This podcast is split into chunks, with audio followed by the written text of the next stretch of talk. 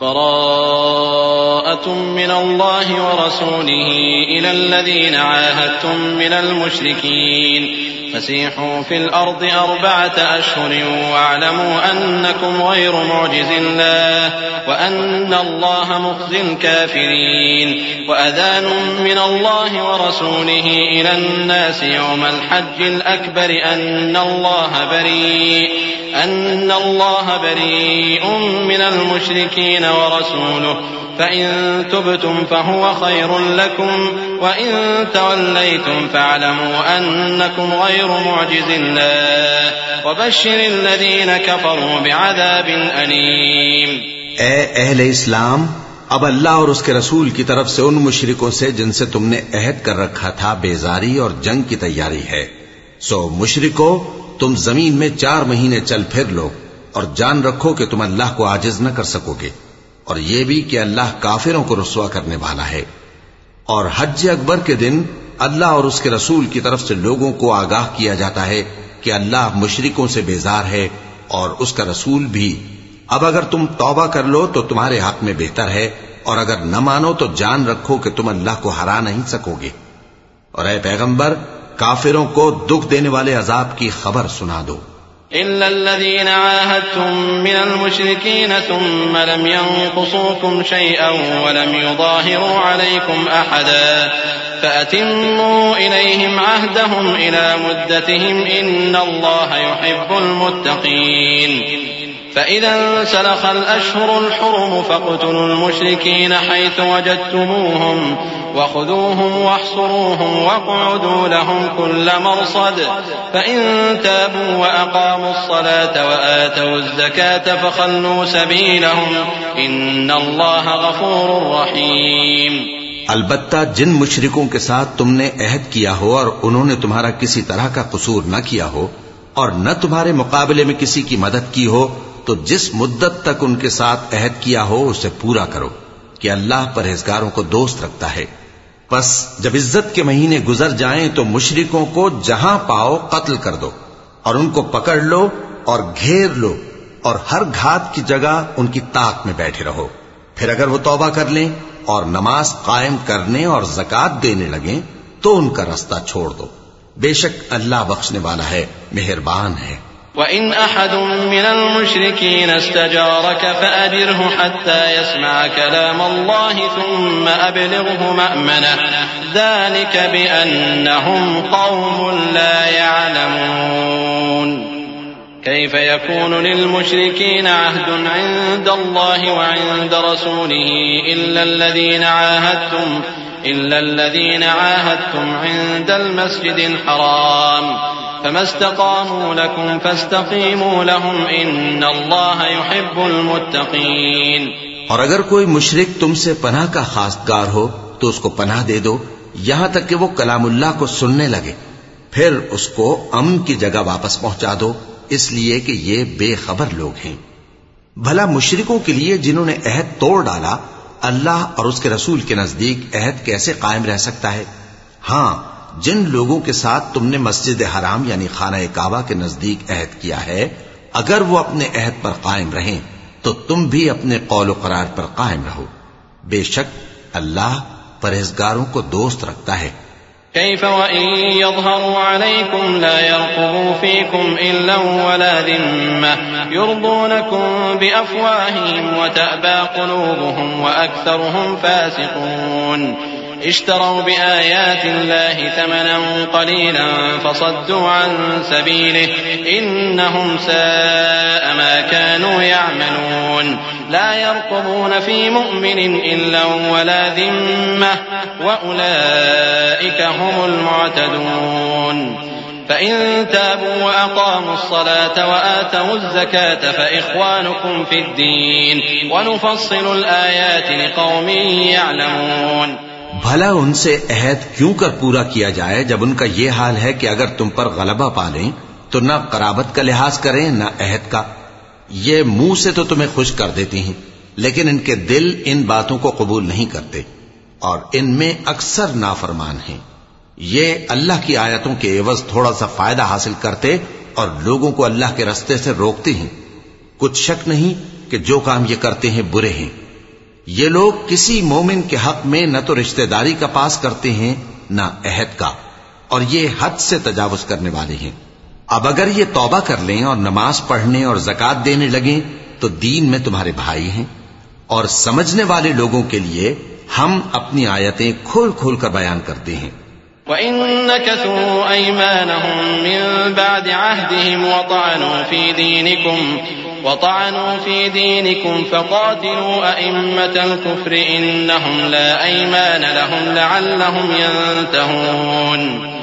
ألا تقاتلون قوما نكثوا أيمانهم وهموا بإخراج الرسول وهم بدأوكم أول مرة أتخشونهم فالله أحق أن تخشوه إن كنتم مؤمنين قاتلوهم يعذبهم الله بأيديكم ويخزهم وينصركم عليهم وينصركم عليهم ويشف صدور قوم مؤمنين اور اگر عہد کرنے کے بعد اپنی قسموں کو توڑ ڈالیں اور تمہارے دین میں تانا زنی کرنے لگے تو ان کفر کے پیشواؤں سے جنگ کرو ان کی قسموں کا کچھ اعتبار نہیں ہے۔ عجب نہیں کہ اپنی حرکات سے باز آ جائیں۔ بھلا تم ایسے لوگوں سے کیوں نہ لڑو جنہوں نے اپنی قسموں کو توڑ ڈالا اور پیغمبر کو وطن سے نکالنے کا ارادہ کر لیا۔ اور انہوں نے تم سے عہد شکنی کی، ابتدا کی۔ کیا تم ایسے لوگوں سے ڈرتے ہو؟ سو ڈرنے کے لائق تو اللہ ہے، اگر تم ایمان والے ہو۔ ان سے خوب لڑو، اللہ ان کو تمہارے ہاتھوں سے عذاب میں ڈالے گا اور انہیں رسوا کرے گا۔ اور تم کو ان پر غلبہ دے گا اور مومن لوگوں کے سینوں کو شفا بخشے گا۔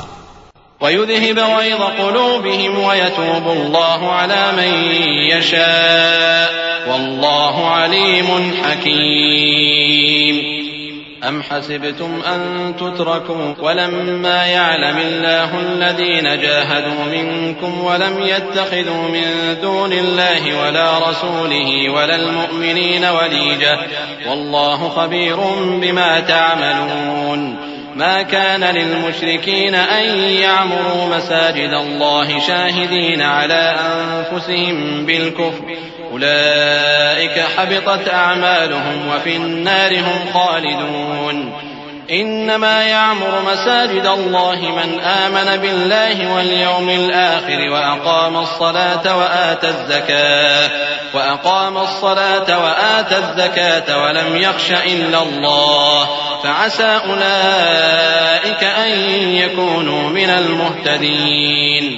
اور ان کے دلوں سے غصہ دور کرے گا اور اللہ جس پر چاہے گا توجہ فرمائے گا اور اللہ سب کچھ جانتا ہے، حکمت والا ہے۔ کیا تم لوگ یہ خیال کرتے ہو کہ بے آزمائش چھوڑ دیے جاؤ گے؟ اور ابھی تو اللہ نے تم میں سے ایسے لوگوں کو پرکھا ہی نہیں جنہوں نے جہاد کیا اور اللہ اور اس کے رسول اور مومنوں کے سوا کسی کو دلی دوست نہیں بنایا اور اللہ تمہارے سب کاموں سے واقف ہے۔ مشرکوں کا کام نہیں کہ اللہ کی مسجدوں کو آباد کریں جبکہ وہ اپنے آپ پر کفر کی گواہی دے رہی ہوں۔ ان لوگوں کے سب اعمال بیکار ہیں اور وہ ہمیشہ دوزخ میں رہیں گے۔ اللہ کی مسجدوں کو تو وہ لوگ آباد کرتے ہیں جو اللہ پر اور روز قیامت پر ایمان لاتے اور نماز پڑھتے اور زکات دیتی ہیں۔ اور اللہ کے سوا کسی سے نہیں ڈرتے۔ یہی لوگ امید ہے کہ ہدایت یافتہ لوگوں میں سے ہوں۔ أجعلتم سقاية الحاج وعمارة المسجد الحرام كمن آمن بالله واليوم الآخر كمن آمن بالله واليوم الآخر وجاهد في سبيل الله لا يستوون عند الله والله لا يهدي القوم الظالمين. الذين آمنوا وهاجروا وجاهدوا في سبيل الله بأموالهم وأنفسهم أعظم درجة عند الله وأولئك هم الفائزون. يبشرهم ربهم برحمة منه ورضوان وجنات لهم فيها نعيم مقيم. خالدين فيها أبدا. إن الله عنده أجر عظيم. کیا تم نے حاجیوں کو پانی پلانا اور مسجد حرام یعنی خانہ کعبہ کو آباد کرنا اس شخص کے اعمال جیسا خیال کیا ہے جو اللہ اور روز آخر پر ایمان رکھتا ہے اور اللہ کی راہ میں جہاد کرتا ہے؟ یہ لوگ اللہ کے نزدیک برابر نہیں ہیں اور اللہ ظالم لوگوں کو ہدایت نہیں دیا کرتا۔ جو لوگ ایمان لائے اور وطن چھوڑ گئے اور اللہ کی راہ میں مال اور جان سے جہاد کرتے رہے، اللہ کے ہاں ان کے درجات بہت بڑے ہیں۔ اور وہی مراد کو پہنچنے والے ہیں۔ ان کا پروردگار ان کو اپنی رحمت کی اور خوشنودی کی اور بہشتوں کی خوشخبری دیتا ہے، جن میں ان کے لیے ابدی نعمت ہے۔ اور وہ ان میں ہمیشہ ہمیشہ رہیں گے۔ کچھ شک نہیں کہ اللہ کے ہاں بڑا سلا تیار ہے۔ يا أيها الذين آمنوا لا تتخذوا آباءكم وإخوانكم أولياء إن استحبوا الكفر على الإيمان ومن يتولهم منكم فأولئك هم الظالمون قل إن كان آباؤكم وأبناؤكم وإخوانكم وأزواجكم وعشيرتكم وعشيرتكم وأموال اقترفتموها وتجارة تخشون كسادها ومساكن ترضونها ومساكن ترضونها أحب إليكم من الله ورسوله وجهاد في سبيله فتربصوا حتى يأتي الله بأمره والله لا يهدي القوم الفاسقين قد نصركم الله في مواطن كثيرة. ويوم حنين إذ أعجبتكم كثرتكم فلم تغن عنكم شيئا. فلم تغن عنكم شيئا وضاقت عليكم الأرض بما رحبت ثم وليتم مدبرين. ثم أنزل الله سكينته على رسوله وعلى المؤمنين وأنزل جنودا لم تروها. وعذب الذين كفروا وذلك جزاء الكافرين. ثم يتوب الله من بعد ذلك على من يشاء. والله غفور رحيم. اے اہل ایمان، اگر تمہارے ماں باپ اور بہن بھائی ایمان کے مقابل کفر کو پسند کریں تو ان سے دوستی نہ رکھو، اور جو ان سے دوستی رکھیں گے وہ ظالم ہیں۔ کہہ دو کہ اگر تمہارے باپ اور بیٹے اور بھائی اور بیویاں اور خاندان والے اور مال جو تم کماتے ہو اور تجارت جس میں مندی سے ڈرتے ہو اور مکانات جن کو پسند کرتے ہو، اللہ اور اس کے رسول سے اور اللہ کی راہ میں جہاد کرنے سے تمہیں زیادہ عزیز ہوں، تو ٹھہرے رہو، یہاں تک کہ اللہ اپنا حکم یعنی عذاب بھیجے۔ اور اللہ نافرمان لوگوں کو ہدایت نہیں دیا کرتا۔ اللہ نے بہت سے موقعوں پر تم کو مدد دی ہے۔ اور جنگ ہنین کے دن جبکہ تم کو اپنی جماعت کی کثرت پر غرہ تھا، تو وہ تمہارے کچھ بھی کام نہ آئی اور زمین باوجود اپنی فراخی کے تم پر تنگ ہو گئی، پھر تم پیٹ پھیر گئے۔ پھر اللہ نے اپنے پیغمبر پر اور مومنوں پر اپنی طرف سے تسکین نازل فرمائی اور تمہاری مدد کو فرشتوں کے لشکر جو تمہیں نظر نہیں آتے تھے، آسمان سے اتارے اور کافروں کو عذاب دیا۔ اور کفر کرنے والوں کی یہی سزا ہے۔ پھر اللہ اس کے بعد جس پر چاہے مہربانی سے توجہ فرمائے اور اللہ بخشنے والا ہے، مہربان ہے۔ يا أيها الذين آمنوا إنما المشركون نجس فلا يقربوا المسجد الحرام بعد عامهم هذا وإن خفتم عيلة فسوف يغنيكم الله من فضله إن شاء إن الله عليم حكيم قاتلوا الذين لا يؤمنون بالله ولا باليوم الآخر ولا يحرمون ما حرم الله ورسوله ولا يدينون دين الحق من الذين أوتوا الكتاب حتى يعطوا الجزية عن يد وهم صاغرون. وقالت اليهود عزير ابن الله وقالت النصارى المسيح ابن الله ذلك قولهم بأفواههم. يضاهئون قول الذين كفروا من قبل. قاتلهم الله. أنا يؤفكون. مومنو مشرق تو پلید ہیں۔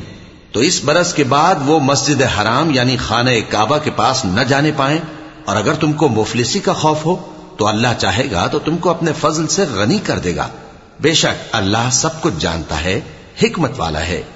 جو لوگ اہل کتاب میں سے اللہ پر ایمان نہیں لاتے اور نہ روز آخر پر یقین رکھتے ہیں اور نہ ان چیزوں کو حرام سمجھتے ہیں جو اللہ اور اس کے رسول نے حرام کیے ہیں اور نہ دین حق کو قبول کرتے ہیں، ان سے جنگ کرو، یہاں تک کہ ذلیل ہو کر اپنے ہاتھ سے جزیہ دینے لگیں۔ اور یہود کہتے ہیں کہ ازیر اللہ کے بیٹے ہیں اور عیسائی کہتے ہیں کہ مسیح اللہ کے بیٹے ہیں۔ یہ ان کے منہ کی باتیں ہیں۔ پہلے کافر بھی اسی طرح کی باتیں کہا کرتے تھے۔ یہ بھی انہی کی ریس کرنے لگے ہیں۔ اللہ ان کو ہلاک کرے، یہ کہاں بہ کے پھرتے ہیں؟ اتخذوا أحبارهم ورهبانهم أربابا من دون الله والمسيح ابن مريم وما أمروا إلا ليعبدوا إلها واحدا لا إله إلا هو، سبحانه عما يشركون. يريدون أن يطفئوا نور الله بأفواههم ويأبى الله إلا أن يتم نوره ولو كره الكافرون. هو الذي أرسل رسوله بالهدى ودين الحق ليظهره على الدين كله ليظهره على الدين كله ولو كره المشركون. إنہوں نے اپنے علماء اور مشائخ اور مسیح ابن مریم کو اللہ کے سوا معبود بنا لیا۔ حالانکہ ان کو یہ حکم دیا گیا تھا کہ معبود واحد کے سوا کسی کی عبادت نہ کریں۔ اس کے سوا کوئی معبود نہیں۔ اور وہ ان لوگوں کے شریک مقرر کرنے سے پاک ہے۔ یہ چاہتے ہیں کہ اللہ کے نور کو اپنے منہ سے پھونک مار کر بجھا دیں۔ اور اللہ اپنے نور کو پورا کیے بغیر رہنے کا نہیں، اگرچہ کافروں کو برا ہی لگے۔ وہی تو ہے جس نے اپنے پیغمبر کو ہدایت اور دین حق دے کر بھیجا تاکہ اس دین کو دنیا کے تمام دینوں پر غالب کرے، اگرچہ کافر ناخوش ہی ہوں۔ يا أيها الذين آمنوا إن كثيرا من الأحبار والرهبان ليأكلون أموال الناس بالباطل ليأكلون أموال الناس بالباطل ويصدون عن سبيل الله والذين يكنزون الذهب والفضة ولا ينفقونها في سبيل الله ولا ينفقونها في سبيل الله فبشرهم بعذاب أليم يوم يحمى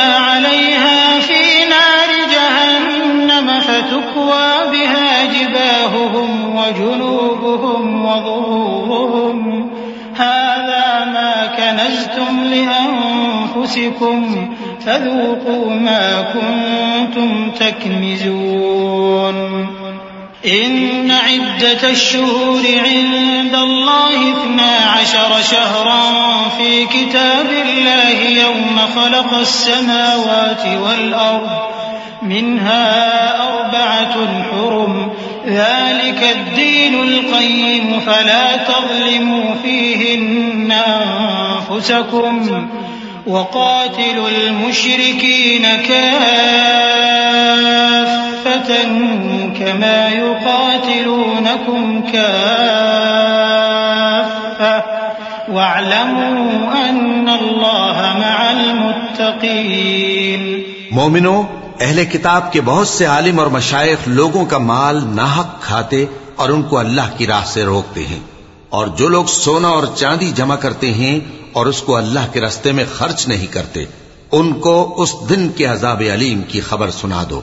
جس دن وہ مال دوزخ کی آگ میں خوب گرم کیا جائے گا، پھر اس سے ان بکیلوں کی پیشانیاں اور پہلو اور پیٹھیں داغی جائیں گی۔ اور کہا جائے گا کہ یہ وہی ہے جو تم نے اپنے لیے جمع کیا تھا۔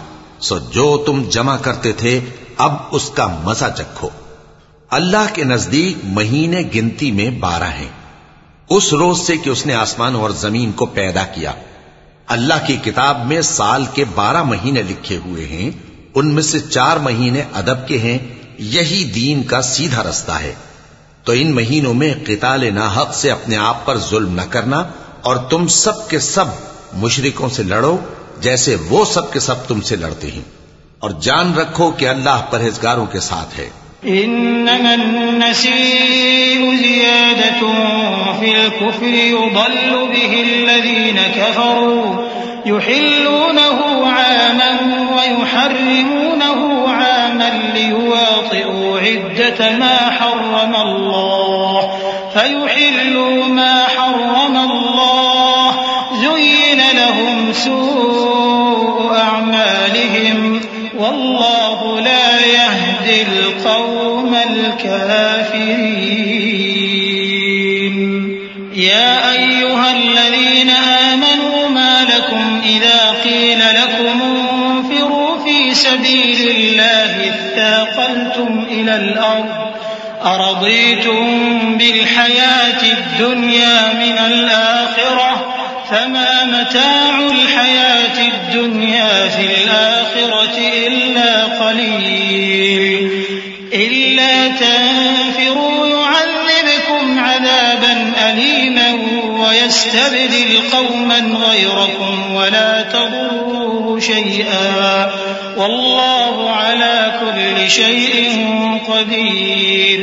أدب کے کسی مہینے کو ہٹا کر آگے پیچھے کر دینا کفر میں بڑھ جانا ہے۔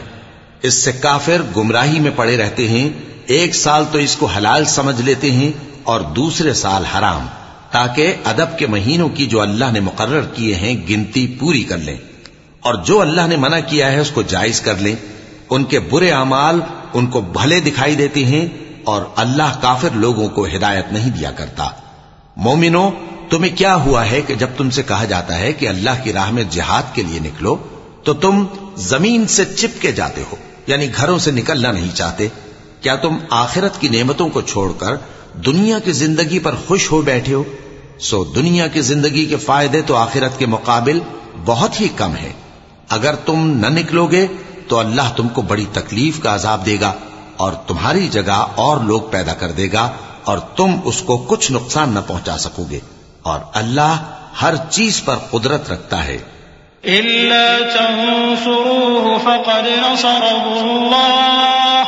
إذ أخرجه الذين كفروا ثاني اثنين إذ هما في الغار إذ يقول لصاحبه لا تحزن. إذ يقول لصاحبه لا تحزن إن الله معنا. فأنزل الله سكينته عليه وأيده بجنود لم تروها وجعل كلمة الذين كفروا السفلى وكلمة الله هي العليا والله عزيز حكيم. اگر تم پیغمبر کی مدد نہ کرو گے تو اللہ ان کا مددگار ہے، وہ وقت تم کو یاد ہوگا جب ان کو کافروں نے گھر سے نکال دیا، اس وقت دو ہی شخص تھے جن میں ایک ابو بکر رضی اللہ تعالی عنہ تھے، دوسرے ہمارے پیغمبر صلی اللہ علیہ وآلہ وسلم۔ جب وہ دونوں غار سور میں تھے، اس وقت پیغمبر اپنے رفیق کو تسلی دیتے تھے کہ غم نہ کرو، اللہ ہمارے ساتھ ہے۔ تو اللہ نے ان پر تسکین نازل فرمائی اور ان کو ایسے لشکروں سے مدد دی جو تم کو نظر نہیں آتے تھے اور کافروں کی بات کو پست کر دیا۔ اور بات تو اللہ ہی کی بلند ہے اور اللہ زبردست ہے، حکمت والا ہے۔ انفروا خفافا وثقالا وجاهدوا بأموالكم وأنفسكم في سبيل الله ذلكم خير لكم إن كنتم تعلمون۔ لو كان عرضا قريبا وسفرا قاصدا لاتبعوك ولكن بعدت عليهم الشقة وسيحلفون بالله لو استطعنا لخرجنا معكم يهلكون أنفسهم والله يعلم إنهم لكاذبون. عفى الله لهم حتى يتبين لك الذين صدقوا وتعلم الكاذبين. لا يستأذنك الذين يؤمنون بالله واليوم الآخر أن يجاهدوا بأموالهم وأنفسهم. والله عليم بالمتقين. تم ہتھیار تھوڑے رکھتے ہو یا بہت؟ گھروں سے نکل آؤ۔ اور اللہ کے رستے میں مال اور جان سے جہاد کرو، یہی تمہارے حق میں بہتر ہے بشرتے کے سمجھو۔ اگر مال غنیمت آسانی سے حاصل ہونے والا اور سفر بھی ہلکا ہوتا، تو یہ تمہارے ساتھ شوق سے چل دیتے۔ لیکن مسافت ان کو دور دراز نظر آئی تو عذر کریں گے۔ اور اللہ کی قسمیں کھائیں گے کہ اگر ہم طاقت رکھتے تو آپ کے ساتھ ضرور نکل پڑتے۔ یہ اس طرح اپنے آپ کو ہلاک کر رہے ہیں۔ اور اللہ جانتا ہے کہ یہ جھوٹے ہیں۔ اللہ تمہیں معاف کرے۔ تم نے پیشتر اس کے کہ تم پر وہ لوگ بھی ظاہر ہو جاتے جو سچے ہیں اور وہ بھی تمہیں معلوم ہو جاتے جو جھوٹے ہیں۔ ان کو اجازت کیوں دی؟ جو لوگ اللہ پر اور روز آخر پر ایمان رکھتے ہیں، وہ تو تم سے اجازت نہیں مانگتے کہ پیچھے رہ جائیں، بلکہ چاہتے ہیں کہ اپنے مال اور جان سے جہاد کریں۔ اور اللہ پرہیزگاروں سے واقف ہے۔ إنما يستأذنك الذين لا يؤمنون بالله واليوم الآخر وارتابت قلوبهم وارتابت قلوبهم فهم في ريبهم يترددون.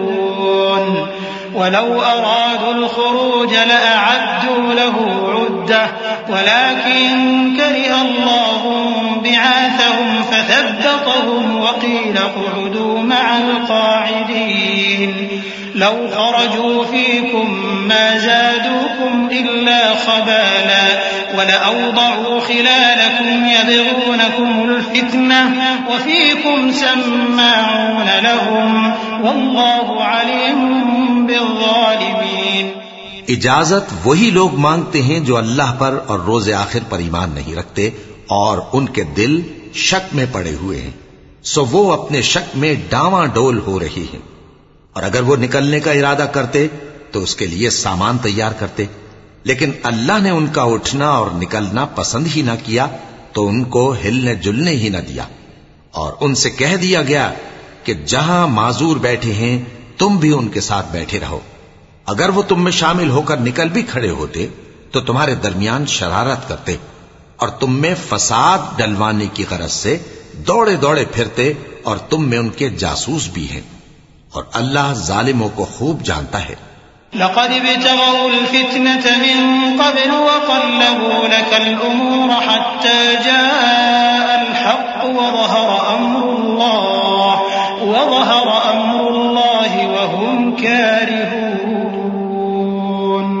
ومنهم يقول ائذن لي ولا تفتني ألا في الفتنة سقطوا وإن جهنم لمحيطة بالكافرين.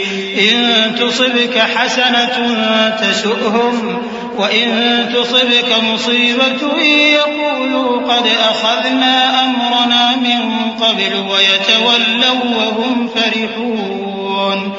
قل لن يصيبنا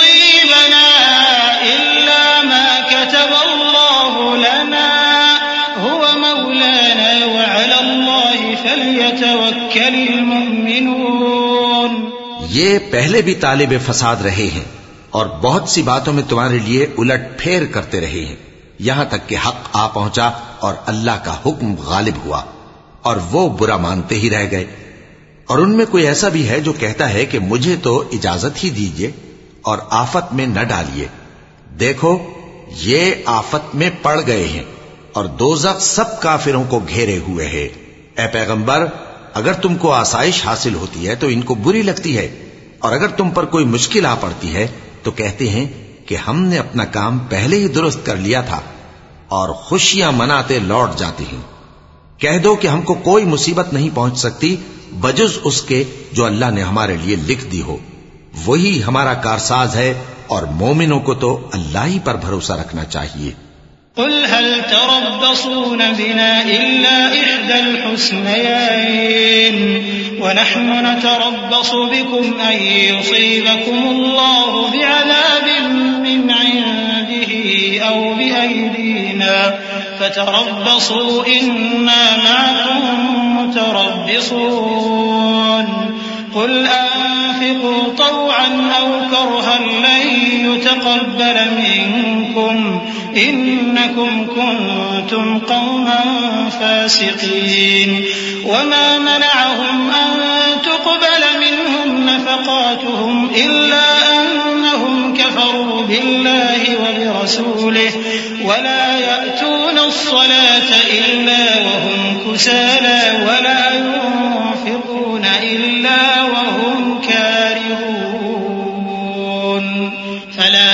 تعجبك أموالهم ولا أولادهم إنما يريد الله ليعذبهم بها في الحياة الدنيا وتزهق أنفسهم وهم كافرون ويحلفون بالله إنهم لمنكم وما هم منكم وما هم منكم ولكنهم قوم يفرقون کہہ دو کہ تم ہمارے حق میں دو بھلائیوں میں سے ایک کے منتظر ہو، اور ہم تمہارے حق میں اس بات کے منتظر ہیں کہ اللہ یا تو اپنے پاس سے تم پر کوئی عذاب نازل کرے، یا ہمارے ہاتھوں سے تمہیں عذاب دلوائے۔ سو تم بھی انتظار کرو، ہم بھی تمہارے ساتھ انتظار کرتی ہیں۔ کہہ دو کہ تم مال خوشی سے خرچ کرو یا ناخوشی سے، تم سے ہرگز قبول نہیں کیا جائے گا۔ تم نافرمان لوگ ہو۔ اور ان کے خرچ کیے ہوئے مالوں کے قبول ہونے سے کوئی چیز مانے نہیں ہوتی، سوائے اس کے کہ انہوں نے اللہ سے اور اس کے رسول سے کفر کیا۔ اور نماز کو آتے ہیں تو سست و کاہل ہو کر اور خرچ کرتے ہیں تو ناخوشی سے۔ بس تم ان کے مال اور اولاد سے تعجب نہ کرنا۔ اللہ چاہتا ہے کہ ان چیزوں سے دنیا کی زندگی میں ان کو عذاب دے اور جب ان کی جان نکلے تو اس وقت بھی یہ کافر ہی ہوں۔ اور اللہ کی قسمیں کھاتے ہیں کہ وہ تمہیں میں سے ہیں، حالانکہ وہ تم میں سے نہیں ہیں۔ اصل یہ ہے کہ وہ ڈرپوک لوگ ہیں۔ لو يجدون ملجأ أو مغارات أو مدخلا لولوا إليه وهم يجمحون ومنهم من يلمزك في الصدقات۔ فإن أعطوا منها رضوا وإن لم يعطوا منها إذا هم يسخطون. ولو أنهم رضوا ما آتاهم الله ورسوله وقالوا حسبنا الله وقالوا حسبنا الله سيؤتينا الله من فضله ورسوله إنا إلى الله راغبون. إنما الصدقات للفقراء والمساكين والعاملين عليها والمؤلفة قلوبهم وفي الرقاب وفي الرقاب والغارمين وفي سبيل الله وابن السبيل فريضة من الله. والله عليم حكيم. اگر ان کو کوئی بچاؤ کی جگہ جیسے قلعہ یا غار یا زمین کے اندر گھسنے کی جگہ مل جائے، تو اسی طرف رسیاں توڑاتے ہوئے بھاگ جائیں۔ اور ان میں بعض ایسے بھی ہیں کہ تقسیم صدقات میں تم پر تانا زنی کرتے ہیں۔ اب اگر ان کو اس میں سے خاطر خواہ مل جائے تو خوش رہیں، اور اگر اس قدر نہ ملے تو جھٹ خفا ہو جائیں۔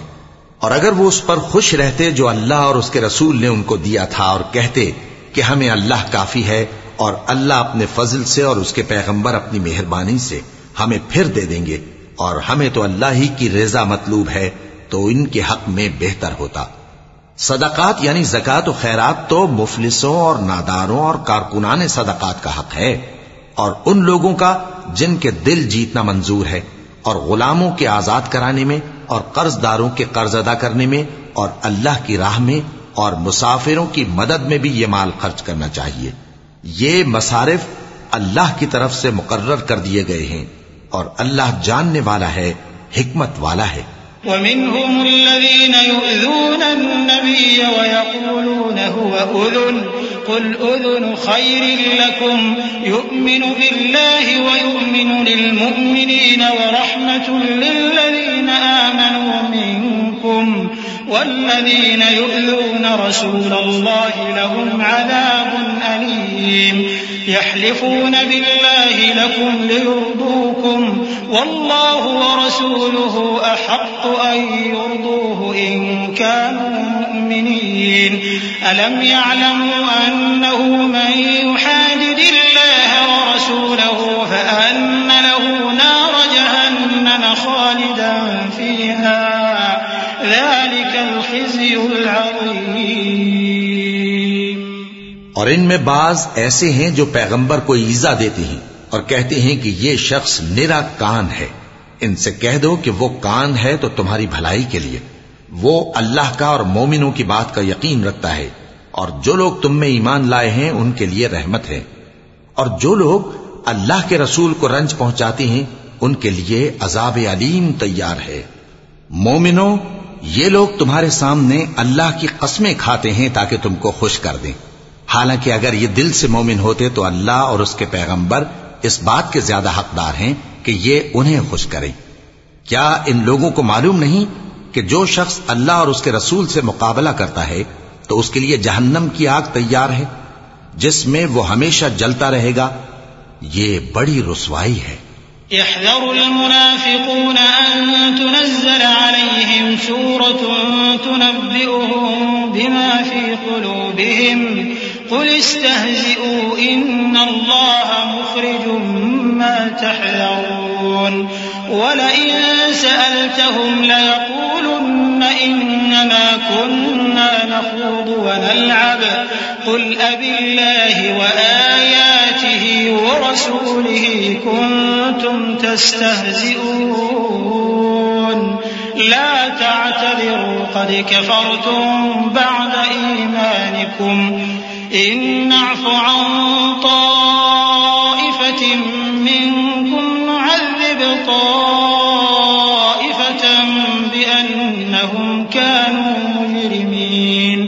المنافقون والمنافقات بعضهم من بعض يأمرون بالمنكر وينهون عن المعروف ويقبضون أيديهم نسوا الله فنسيهم إن المنافقين هم الفاسقون منافق ڈرتے رہتے ہیں کہ ان کے بارے میں کہیں کوئی ایسی صورت نہ اتر آئے کہ ان کے دل کی باتوں کو ان مسلمانوں پر ظاہر کر دے۔ کہہ دو کہ ہنسی کیے جاؤ۔ جس بات سے تم ڈرتے ہو، اللہ اس کو ضرور ظاہر کر دے گا۔ اور اگر تم ان سے اس بارے میں دریافت کرو، تو کہیں گے کہ ہم تو یوں ہی بات چیت اور دل لگی کرتے تھے۔ کہو، کیا تم اللہ اور اس کی آیتوں اور اس کے رسول سے دل لگی کرتے تھے؟ عذر مت پیش کرو۔ تم ایمان لانے کے بعد کافر ہو چکے ہو۔ اگر ہم تم میں سے ایک جماعت کو معاف کر دیں، تو دوسری جماعت کو سزا بھی دیں گے۔ کیونکہ وہ گناہ کرتے رہے ہیں منافق مرد اور منافق عورتیں ایک دوسرے کے ہم جنس یعنی ایک ہی طرح کے ہیں کہ برا کام کرنے کو کہتے اور نیک کاموں سے منع کرتے اور خرچ کرنے سے ہاتھ بند کیے رہتے ہیں۔ انہوں نے اللہ کو بھلا دیا تو اللہ نے ان کو بھلا دیا۔ بے شک منافق نافرمان ہیں۔ وعد الله المنافقين والمنافقات والكفار نار جهنم خالدين فيها هي حسبهم ولعنهم الله ولهم عذاب مقيم. كالذين من قبلكم كانوا أشد منكم قوة وأكثر أموالا وأولادا. فاستمتعوا بخلاقهم فاستمتعتم بخلاقكم كما استمتع الذين من قبلكم بخلاقهم. وخضتم كالذي خاضوا. أولئك حبطت أعمالهم في الدنيا والآخرة وأولئك هم الخاسرون. اللہ نے منافق مردوں اور منافق عورتوں اور کافروں سے آتش جہنم کا وعدہ کیا ہے، جس میں وہ ہمیشہ جلتے رہیں گے۔ وہی ان کو کافی ہے اور اللہ نے ان پر لانت کر دی ہے اور ان کے لیے ہمیشہ کا عذاب تیار ہے۔ تم منافق لوگ ان لوگوں کی طرح ہو جو تم سے پہلے ہو چکے ہیں۔ وہ تم سے زیادہ طاقتور اور مال و اولاد میں کہیں زیادہ تھے، تو وہ اپنے حصے سے فائدہ اٹھا چکے۔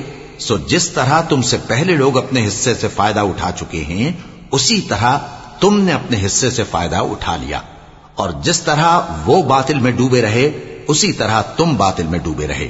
یہ وہ لوگ ہیں جن کے اعمال دنیا اور آخرت میں ضائع ہو گئے اور یہی نقصان اٹھانے والے ہیں۔ ألم يأتهم نبأ الذين من قبلهم قوم نوح وعاد وثمود وقوم إبراهيم وأصحاب مدين والمؤتفكات؟ أتتهم رسلهم بالبينات؟ فما كان الله ليظلمهم ولكن كانوا أنفسهم يظلمون. والمؤمنون والمؤمنات بعضهم أولياء بعض يأمرون بالمعروف وينهون عن المنكر ويقيمون الصلاة ويؤتون الزكاة ويطيعون الله ورسوله أولئك سيرحمهم الله إن الله عزيز حكيم. وعد الله المؤمنين والمؤمنات جنات تجري من تحتها الأنهار خالدين فيها خالدين فيها ومساكن طيبة في جنات عدن ورضوان من الله أكبر. ذلك هو الفوز العظيم. کیا ان کو ان لوگوں کے حالات کی خبر نہیں پہنچی جو ان سے پہلے تھے؟ یعنی نوح اور عاد اور سمود کی قوم اور ابراہیم کی قوم اور مدین والے اور الٹی ہوئی بستیوں والے؟ ان کے پاس پیغمبر نشانیاں لے کر آئے اور اللہ تو ایسا نہ تھا کہ ان پر ظلم کرتا، لیکن وہی اپنے آپ پر ظلم کرتے تھے۔ اور مومن مرد اور مومن عورتیں ایک دوسرے کے دوست ہیں کہ اچھے کام کرنے کو کہتے اور بری باتوں سے منع کرتے اور نماز پڑھتے اور زکات دیتے اور اللہ اور اس کے پیغمبر کی اطاعت کرتے ہیں۔ یہی لوگ ہیں جن پر اللہ رحم کرے گا۔ بے شک اللہ غالب ہے، حکمت والا ہے۔ اللہ نے مومن مردوں اور مومن عورتوں سے بہشتوں کا وعدہ کیا ہے، جن کے نیچے نہریں بہ رہی ہیں۔ وہ ان میں ہمیشہ رہیں گے اور ابدی بہشتوں میں نفیس مکانات کا وعدہ کیا ہے۔ اور اللہ کی رضامندی تو سب سے بڑھ کر نعمت ہے۔ یہی بڑی کامیابی ہے۔ يا أيها النبي جاهد الكفار والمنافقين واغلظ عليهم ومأواهم جهنم وبئس المصير. يحلفون بالله ما قالوا ولقد قالوا كلمة الكفر وكفروا بعد إسلامهم. وكفروا بعد إسلامهم وهموا بما لم ينالوا وما نقموا إلا أن أغناهم الله ورسوله من فضله. فإن يتوبوا يك خيرا لهم وإن يتولوا يعذبهم الله عذابا أليما في الدنيا والآخرة. وما لهم في الأرض من ولي ولا نصير اے پیغمبر، کافروں اور منافقوں سے جہاد کرو اور ان پر سختی کرو، اور ان کا ٹھکانہ دوزخ ہے اور وہ بری جگہ ہے۔ یہ اللہ کی قسمیں کھاتے ہیں کہ انہوں نے تو کچھ نہیں کہا، حالانکہ انہوں نے کفر کا کلمہ کہا ہے اور یہ اسلام لانے کے بعد کافر ہو گئے ہیں۔ اور ایسی بات کا قصد کر چکے ہیں جس پر قدرت نہیں پا سکے۔ اور انہوں نے مسلمانوں میں عیب ہی کون سا دیکھا ہے سوائے اس کے کہ اللہ نے اپنے فضل سے اور اس کے پیغمبر نے اپنی مہربانی سے ان کو دولت مند کر دیا ہے۔ سو اگر یہ لوگ توبہ کر لیں تو ان کے حق میں بہتر ہوگا۔ اور اگر منہ پھیر لیں تو اللہ ان کو دنیا اور آخرت میں دکھ دینے والا عذاب دے گا اور زمین میں ان کا کوئی دوست اور مددگار نہ ہوگا۔ ومنهم من عاهد الله لئن آتانا من فضله لنصدقن ولنكونن من الصالحين. فلما آتاهم من فضله بخلوا به وتولوا وهم معرضون. فأعقبهم نفاقا في قلوبهم إلى يوم بما أخلفوا الله ما وعدوه بما أخلفوا الله ما وعدوه وبما كانوا يكذبون. ألم يعلموا أن الله يعلم سرهم ونجواهم وأن الله علام الغيوب؟ الذين يلمزون المطوعين من المؤمنين في الصدقات والذين لا يجدون إلا جهدهم فيسخرون منهم سخر الله منهم ولهم عذاب أليم. اور ان میں بعض ایسے ہیں جنہوں نے اللہ سے عہد کیا تھا کہ اگر وہ ہم کو اپنی مہربانی سے مال عطا فرمائے گا تو ہم ضرور خیرات کیا کریں گے اور نیکو کاروں میں ہو جائیں گے، لیکن جب اللہ نے ان کو اپنے فضل سے مال دیا تو اس میں بخل کرنے لگے اور اپنے عہد سے روگردانی کر کے پھر بیٹھے۔ تو اللہ نے اس کا انجام یہ کیا کہ اس روز تک کے لیے جس میں یہ اللہ کے روبرو حاضر ہوں گے، ان کے دلوں میں نفاق ڈال دیا۔ اس لیے کہ انہوں نے اللہ سے جو وعدہ کیا تھا، اس کے خلاف کیا اور اس لیے کہ یہ جھوٹ بولتے تھے۔ کیا ان کو معلوم نہیں کہ اللہ ان کے بھیدوں اور مشوروں تک سے واقف ہے؟ اور یہ کہ اللہ غیب کی باتیں جاننے والا ہے۔ جو مسلمان دل کھول کر خیرات کرتے ہیں اور جو بیچارے غریب صرف اتنا ہی کما سکتے ہیں جتنی مزدوری کرتے اور تھوڑی سی کمائی میں سے بھی خرچ کرتے ہیں، ان پر جو منافق تان کرتے اور ہنستے ہیں، اللہ ان پر ہنستا ہے اور ان کے لیے تکلیف دینے والا عذاب تیار ہے۔ استغفر لهم أو لا تستغفر لهم إن تستغفر لهم سبعين مرة فلن يغفر الله لهم. ذلك بأنهم كفروا بالله ورسوله والله لا يهدي القوم الفاسقين. فرح المخلفون بمقعدهم خلاف رسول الله وكرهوا أن يجاهدوا بأموالهم وأنفسهم في سبيل الله وقالوا لا تنفروا في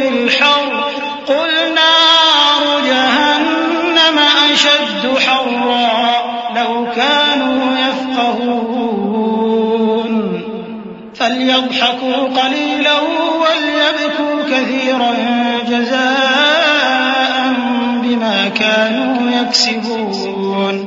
تم ان کے لیے بخشش مانگو یا نہ مانگو برابر ہے۔ اگر ان کے لیے ستر دفعہ بھی بخشش مانگو گے، تو بھی اللہ ان کو نہیں بخشے گا۔ یہ اس لیے کہ انہوں نے اللہ اور اس کے رسول سے کفر کیا۔ اور اللہ نافرمان لوگوں کو ہدایت نہیں دیتا۔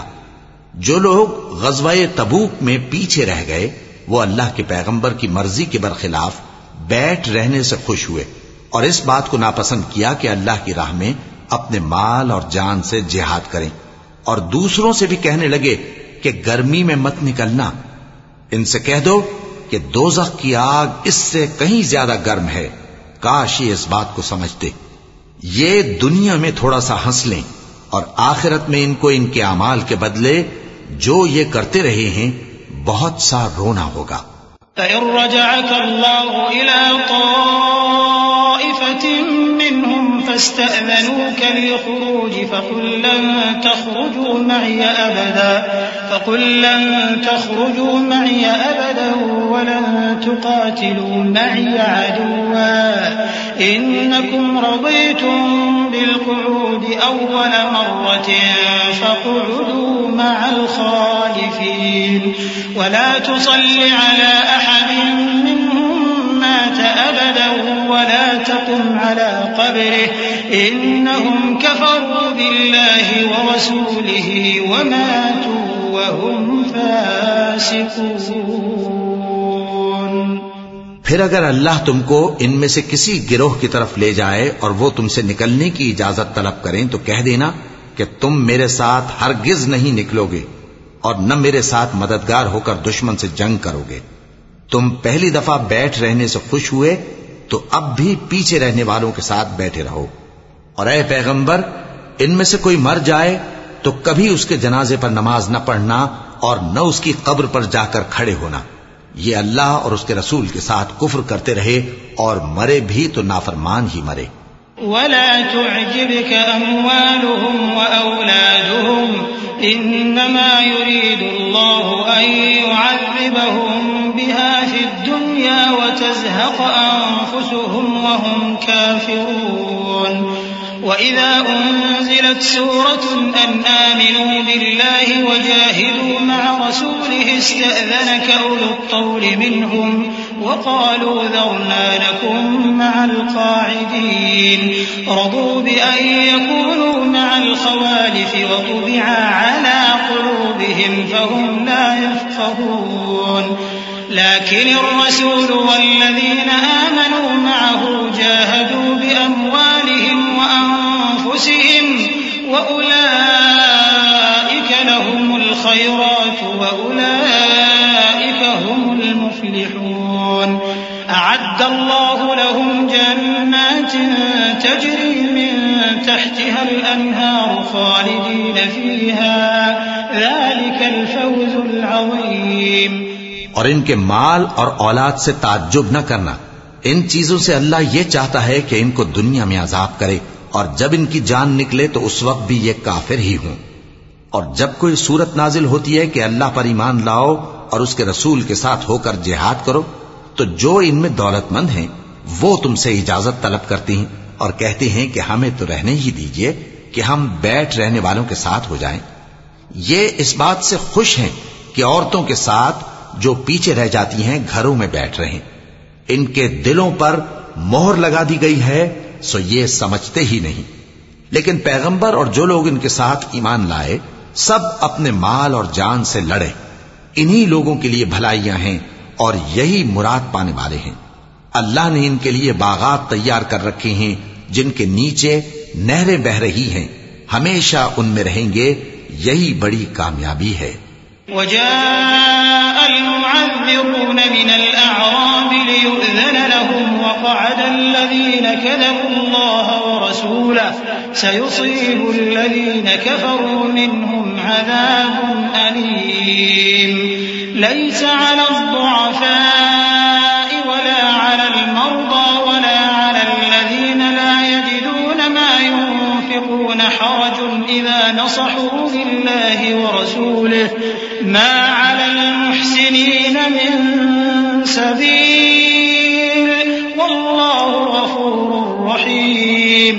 اور صحرا نشینوں میں سے بھی کچھ لوگ عذر کرتے ہوئے تمہارے پاس آئے کہ ان کو بھی اجازت دی جائے۔ اور جنہوں نے اللہ اور اس کے رسول سے جھوٹ بولا، وہ گھر میں بیٹھ رہے۔ سو جو لوگ ان میں سے کافر ہوئے ہیں، ان کو دکھ دینے والا عذاب پہنچے گا۔ نہ تو ضعیفوں پر کچھ گنا ہے اور نہ بیماروں پر، اور نہ ان پر جن کے پاس خرچ موجود نہیں، کہ شریک جہاد ہوں۔ یعنی جبکہ اللہ اور اس کے رسول سے مخلص ہوں، نیکوکاروں پر کسی طرح کا الزام نہیں ہے اور اللہ بخشنے والا ہے مہربان ہے۔ ولا على الذين إذا ما أتوك لتحملهم قلت لا أجد ما أحملكم عليه تولوا, تولوا وأعينهم تفيض من الدمع حزنا ألا يجدوا ما ينفقون. إنما السبيل على الذين يستأذنونك وهم أغنياء. يكونوا مع الخوالف وطبع الله على قلوبهم فهم لا يعلمون.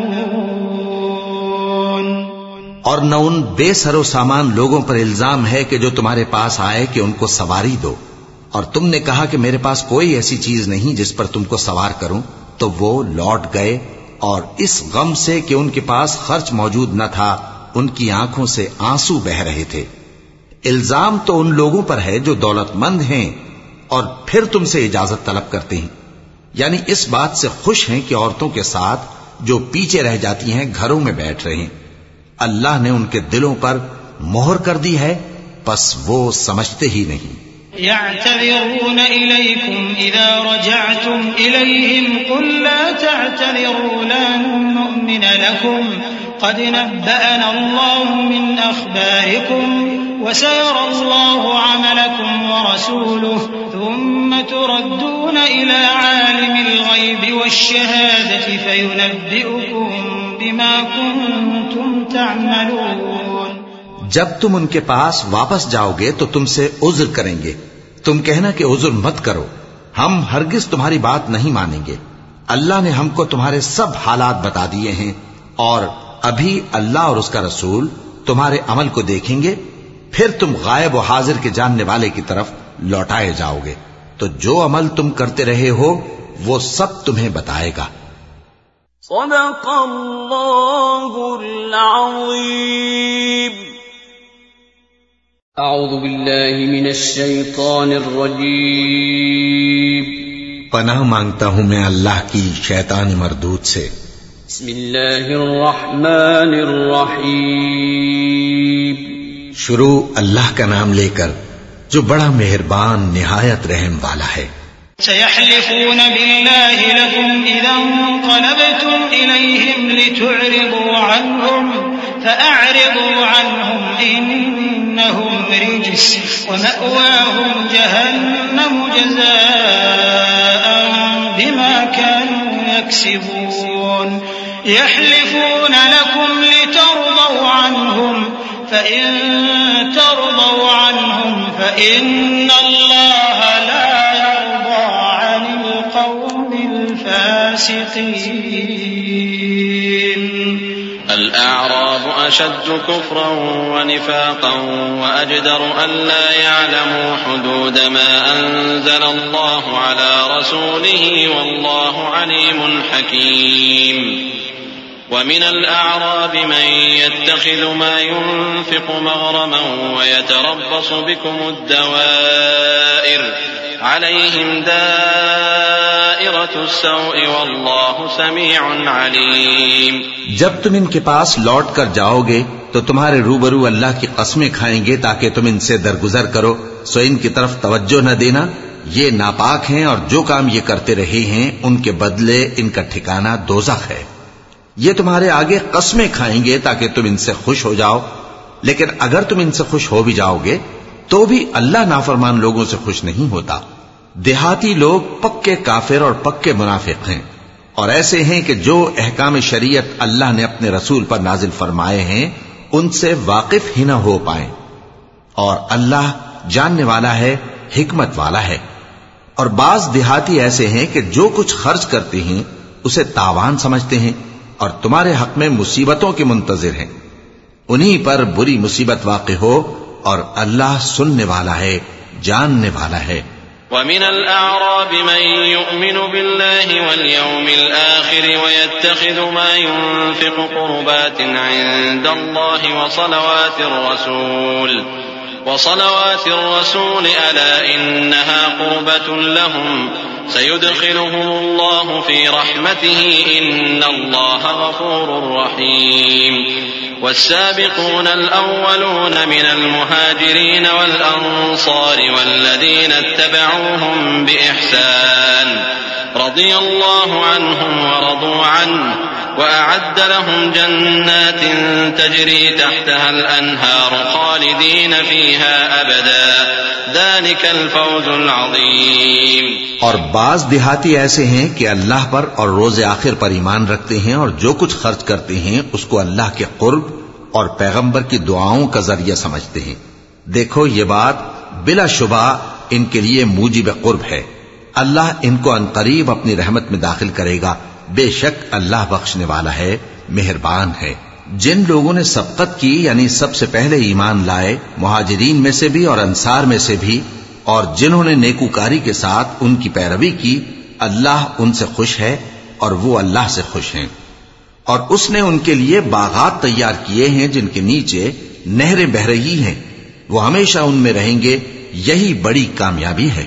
وممن حولكم من الأعراب منافقون، ومن أهل المدينة مردوا على النفاق لا تعلمهم، نحن نعلمهم سنعذبهم مرتين ثم يردون إلى عذاب عظيم. وآخرون اعترفوا بذنوبهم خلطوا عملا صالحا وآخر سيئا.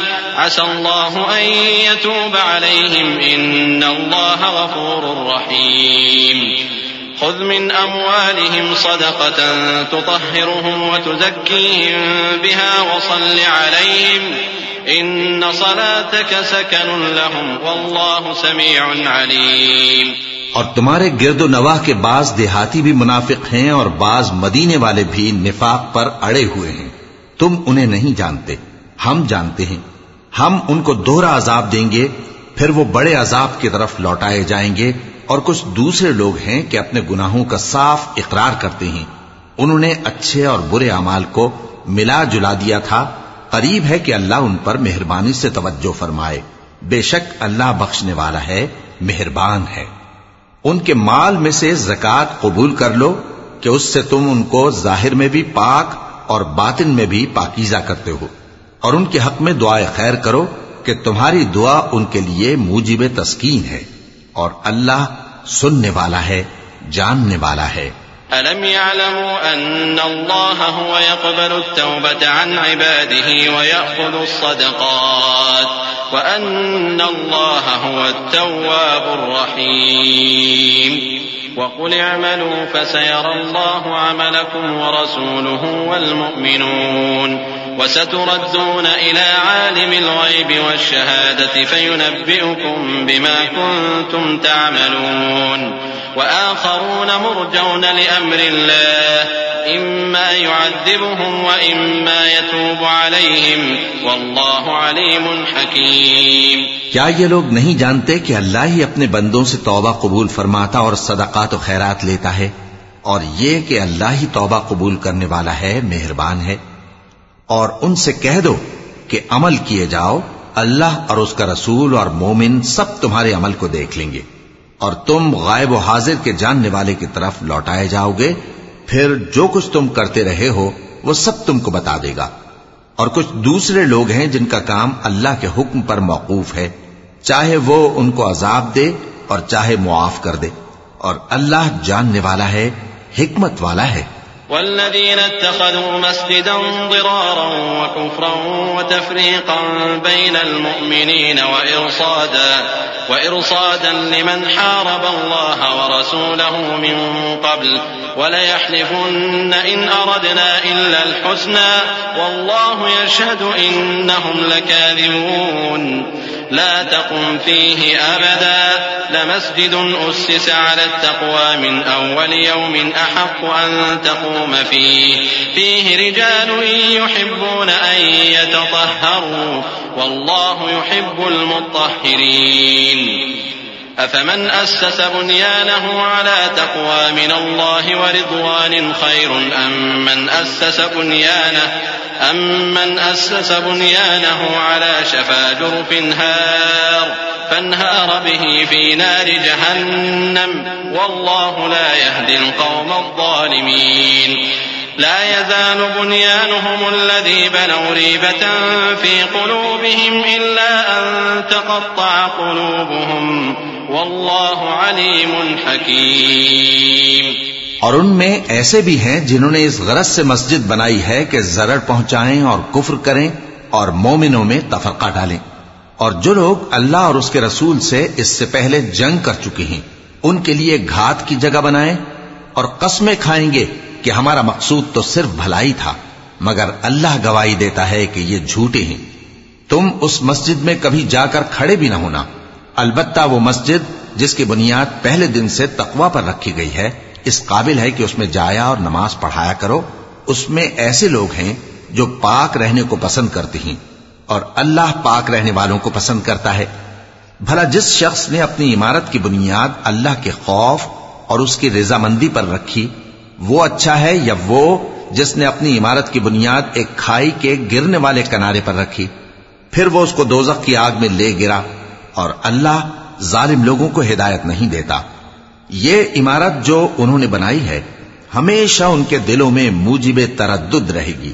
مگر یہ کہ ان کے دل پاش پاش ہو جائیں اور اللہ جاننے والا ہے، حکمت والا ہے۔ إن اللہ اشترى من المؤمنین أنفسهم وأموالهم بأن لهم الجنة بأن لهم الجنة يقاتلون في سبيل الله فيقتلون ويقتلون.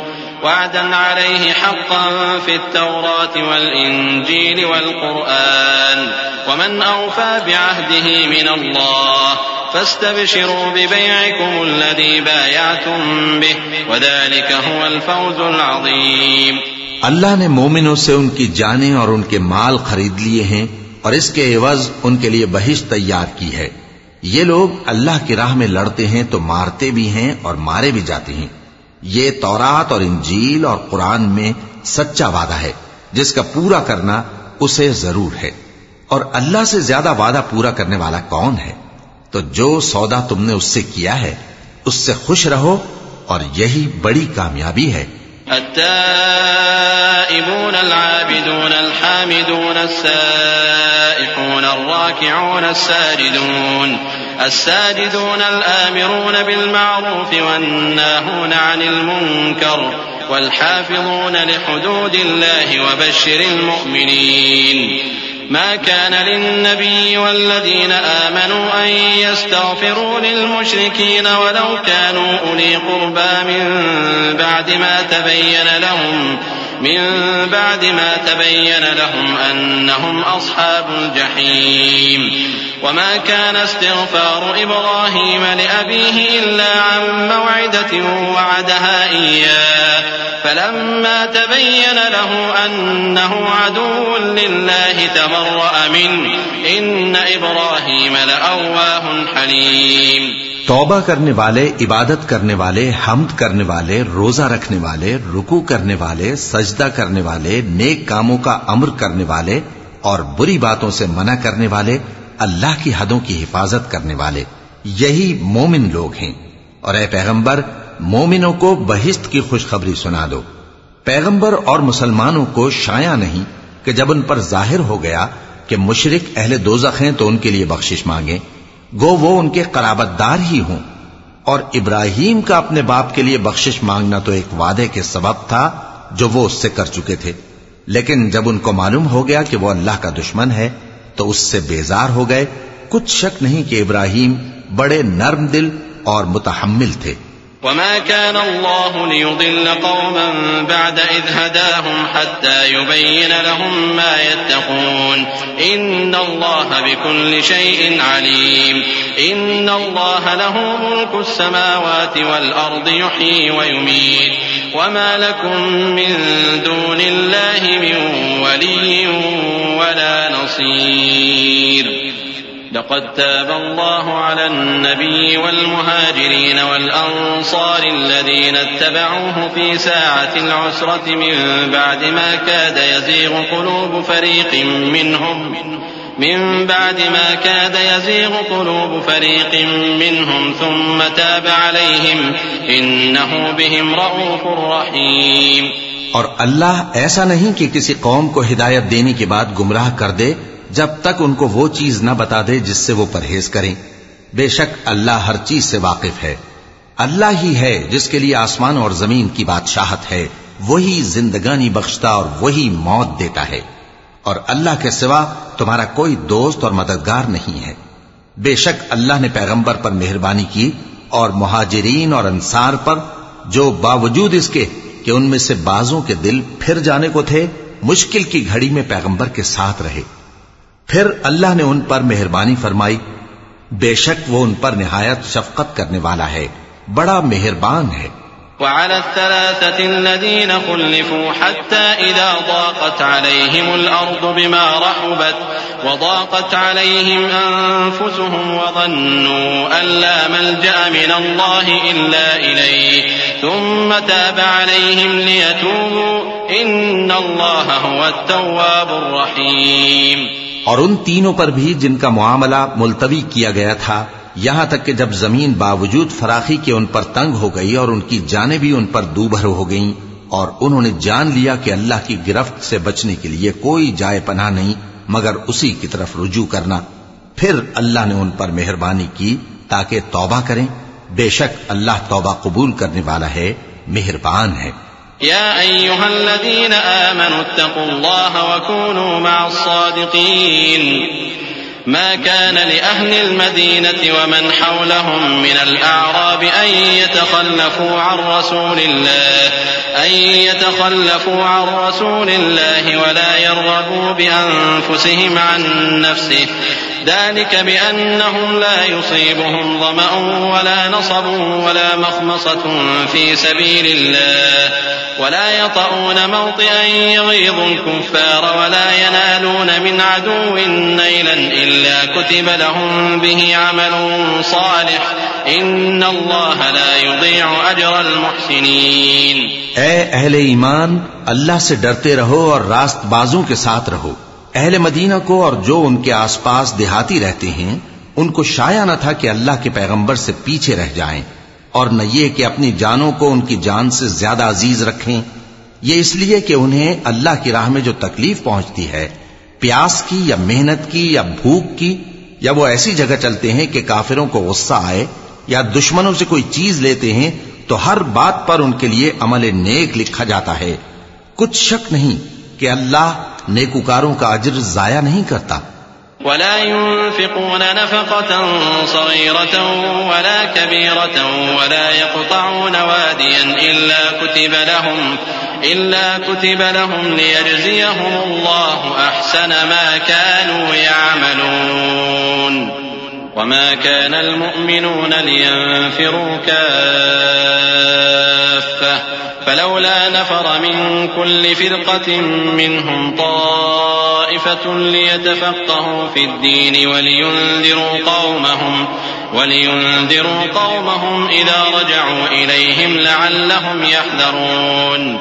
يا أيها الذين آمنوا قاتلوا الذين يلونكم من الكفار وليجدوا فيكم غلظة واعلموا أن الله مع المتقين۔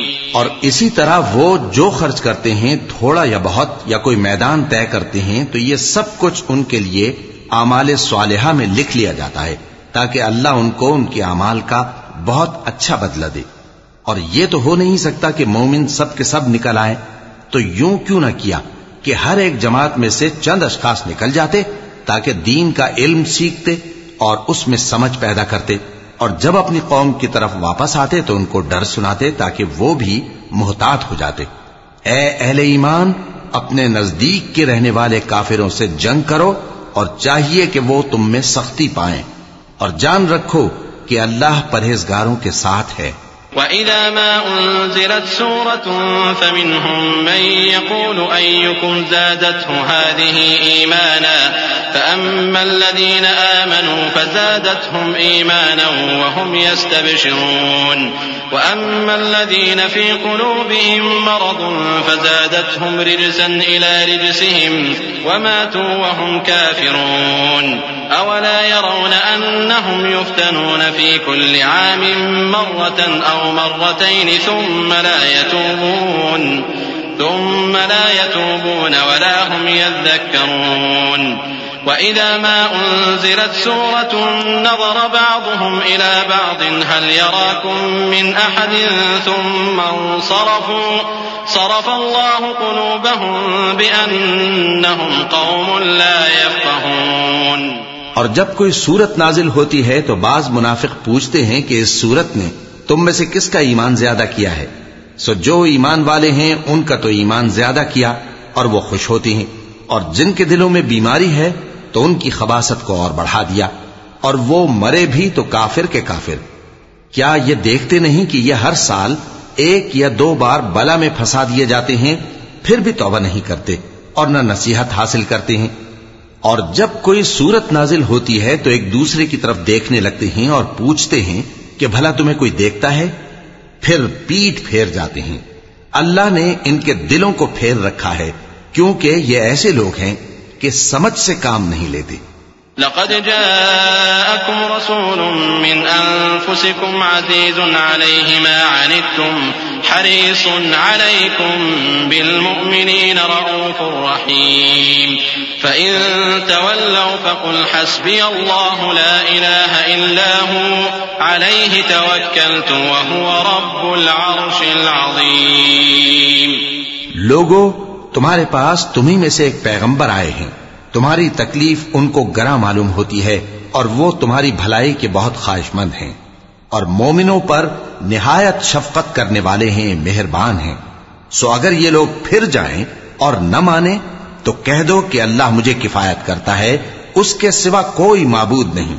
اسی پر میرا بھروسہ ہے اور وہی عرش عظیم کا مالک ہے۔